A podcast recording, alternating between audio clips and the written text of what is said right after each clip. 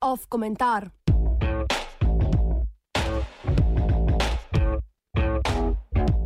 V imenu demokracije.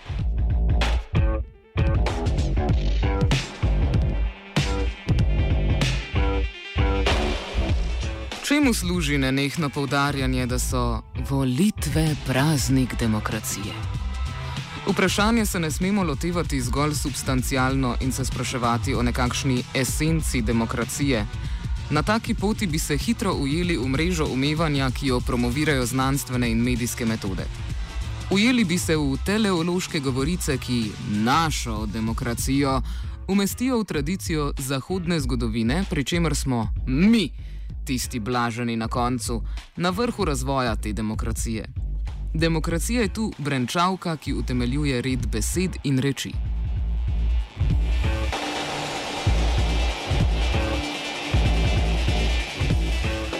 Odtenki pomena se na izpraznjen pojem nalagajo z njegovo vsakdanjo rabo. V vsakdanji rabi, ki jo vse bolj monopolizirajo prav medijski reki tipa volitve so praznik demokracije, se konstituira aksijom, da smo zahodnjaki, konstruirani kot dediči antičnih Aten, posredovanih z Rimom in francosko revolucijo, subjekt zgodovine. Ali analogen aksijom, da smo Slovenci, subjekt naše države, ki je uresničitev tisočletnih sanj zatiranega slovenskega naroda.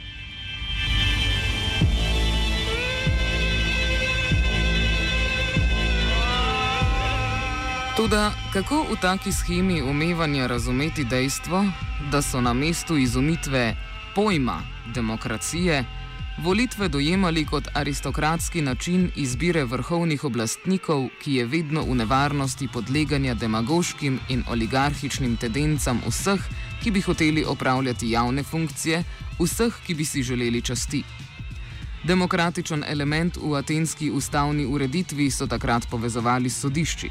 Sodnike so tako izbirali izmed vseh slojev z žrebom in ne z volitvami kaj šele z dogovorom med strankami in predsednikom republike, kot to počnemo danes.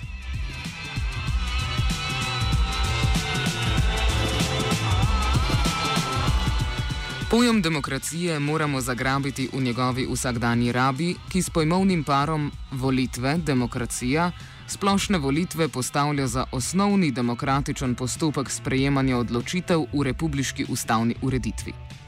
V prevladujočih govoricah tako tisto, kar je pri volitvah demokratičnega, asociramo z dvema osnovnima axiomoma.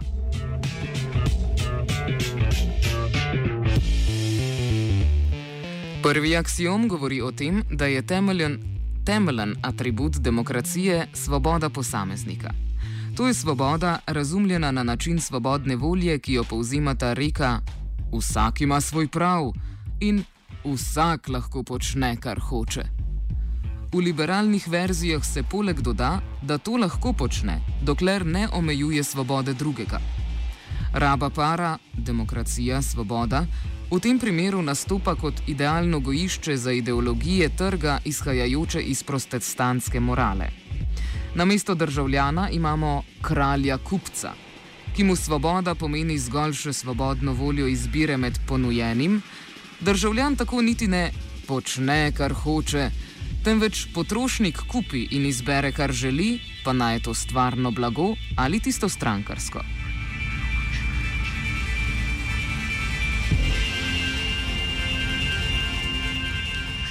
Če je demokracija to, da ima vsak svoj prav, je samoumevno, da si vsak svoj prav izbere.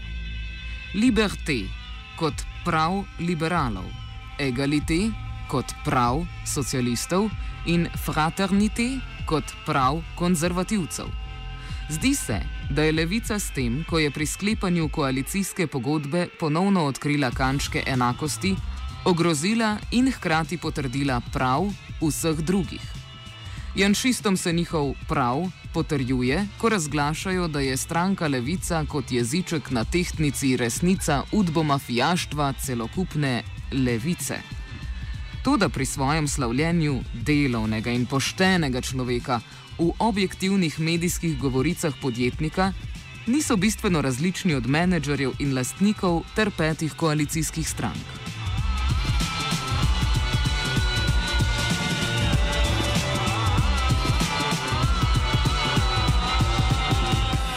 Establishment proti levici ni nastopil, ker bi se zares zbal za svoje premoženje, pač pa zato, da bi normaliziral govorico. Akrapoviči in Boskaroli torej v medijih nastopajo preventivno, tako da medijskim tehnikom ne bi slučajno bilo dano govoriti v kategorijah levice. Svoboda operacij na trgu je vendar konstitutivna demokraciji, če se bomo šli enakosti, pa vsak ne bo mogel več početi tega, kar hoče, bi lahko med vrsticami brali govoričenje podjetnikov. Tudi tistih strankarskih, na čelu z Marjanom Šarcem, čigar zauzemanje za gospodarstvo napram politiki, s tem, ko govori v kategorijah koristnosti, jasno priča, da je za njegovo stranko država podjetje. Še tako drobcene spremembe v smeri enakosti življenjskih pogojev državljanov pa tako ostanejo mrtva črka na papirju koalicijske pogodbe.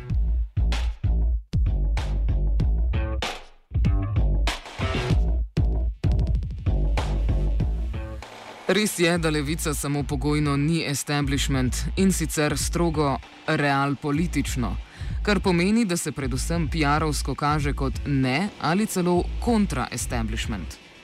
Na njeno nesrečo je pri tem kazanju odvisna od medijev, ki njeno celotno govorico, predvsem s pomočjo uspešnih podjetnikov, radikalno rekontekstualizirajo. Da bi to razumeli, preučimo drug aksijom, ki volitve povezuje z demokracijo. Demokracija je vladavina ljudstva.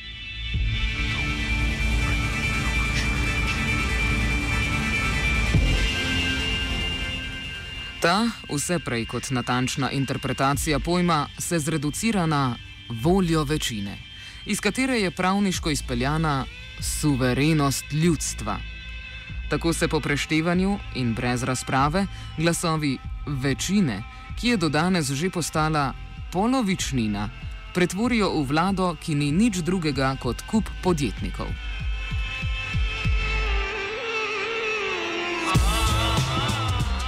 Podjetniki svoje besede postavljajo v jasnem nasprotju s preteklo ustavno ureditvijo, torej tisto socialistično, ki smo se je morali osvoboditi, da bi končno zaživeli kot suveren narod v svobodni in demokratični družbi.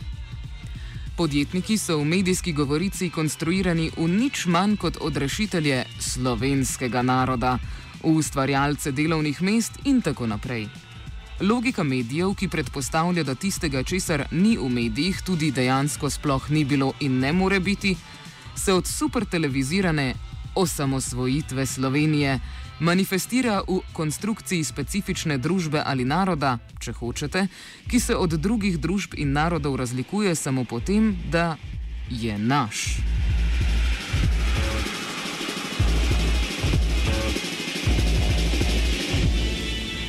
Zdi se, da je ta televizijska metoda izrekanja, ki nas kot narod podjetnikov postavlja za poosebitev demokracije, svojo prvo eksplicitno udejanjenje dočakala v hladni vojni.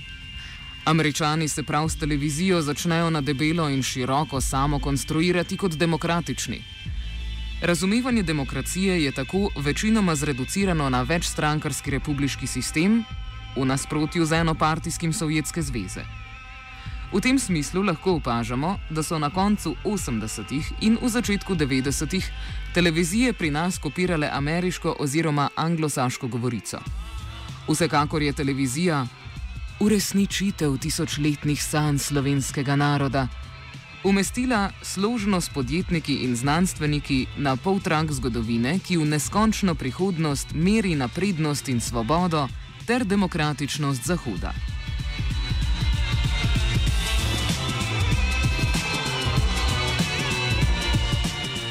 Kaj je drugega gonja proti domnevnemu ruskemu poseganju v ameriške predsedniške volitve, ki jo je sprožila demokratska stranka v ZDA, kot votlo napihovanje ameriške demokratičnosti?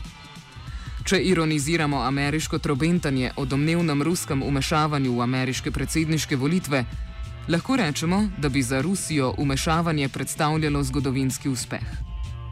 Do sedaj so bile pač nesporne zmagovalke pri poseganju v notranje zadeve tujih združenih držav, tujih držav Združene države Amerike v imenu demokracije.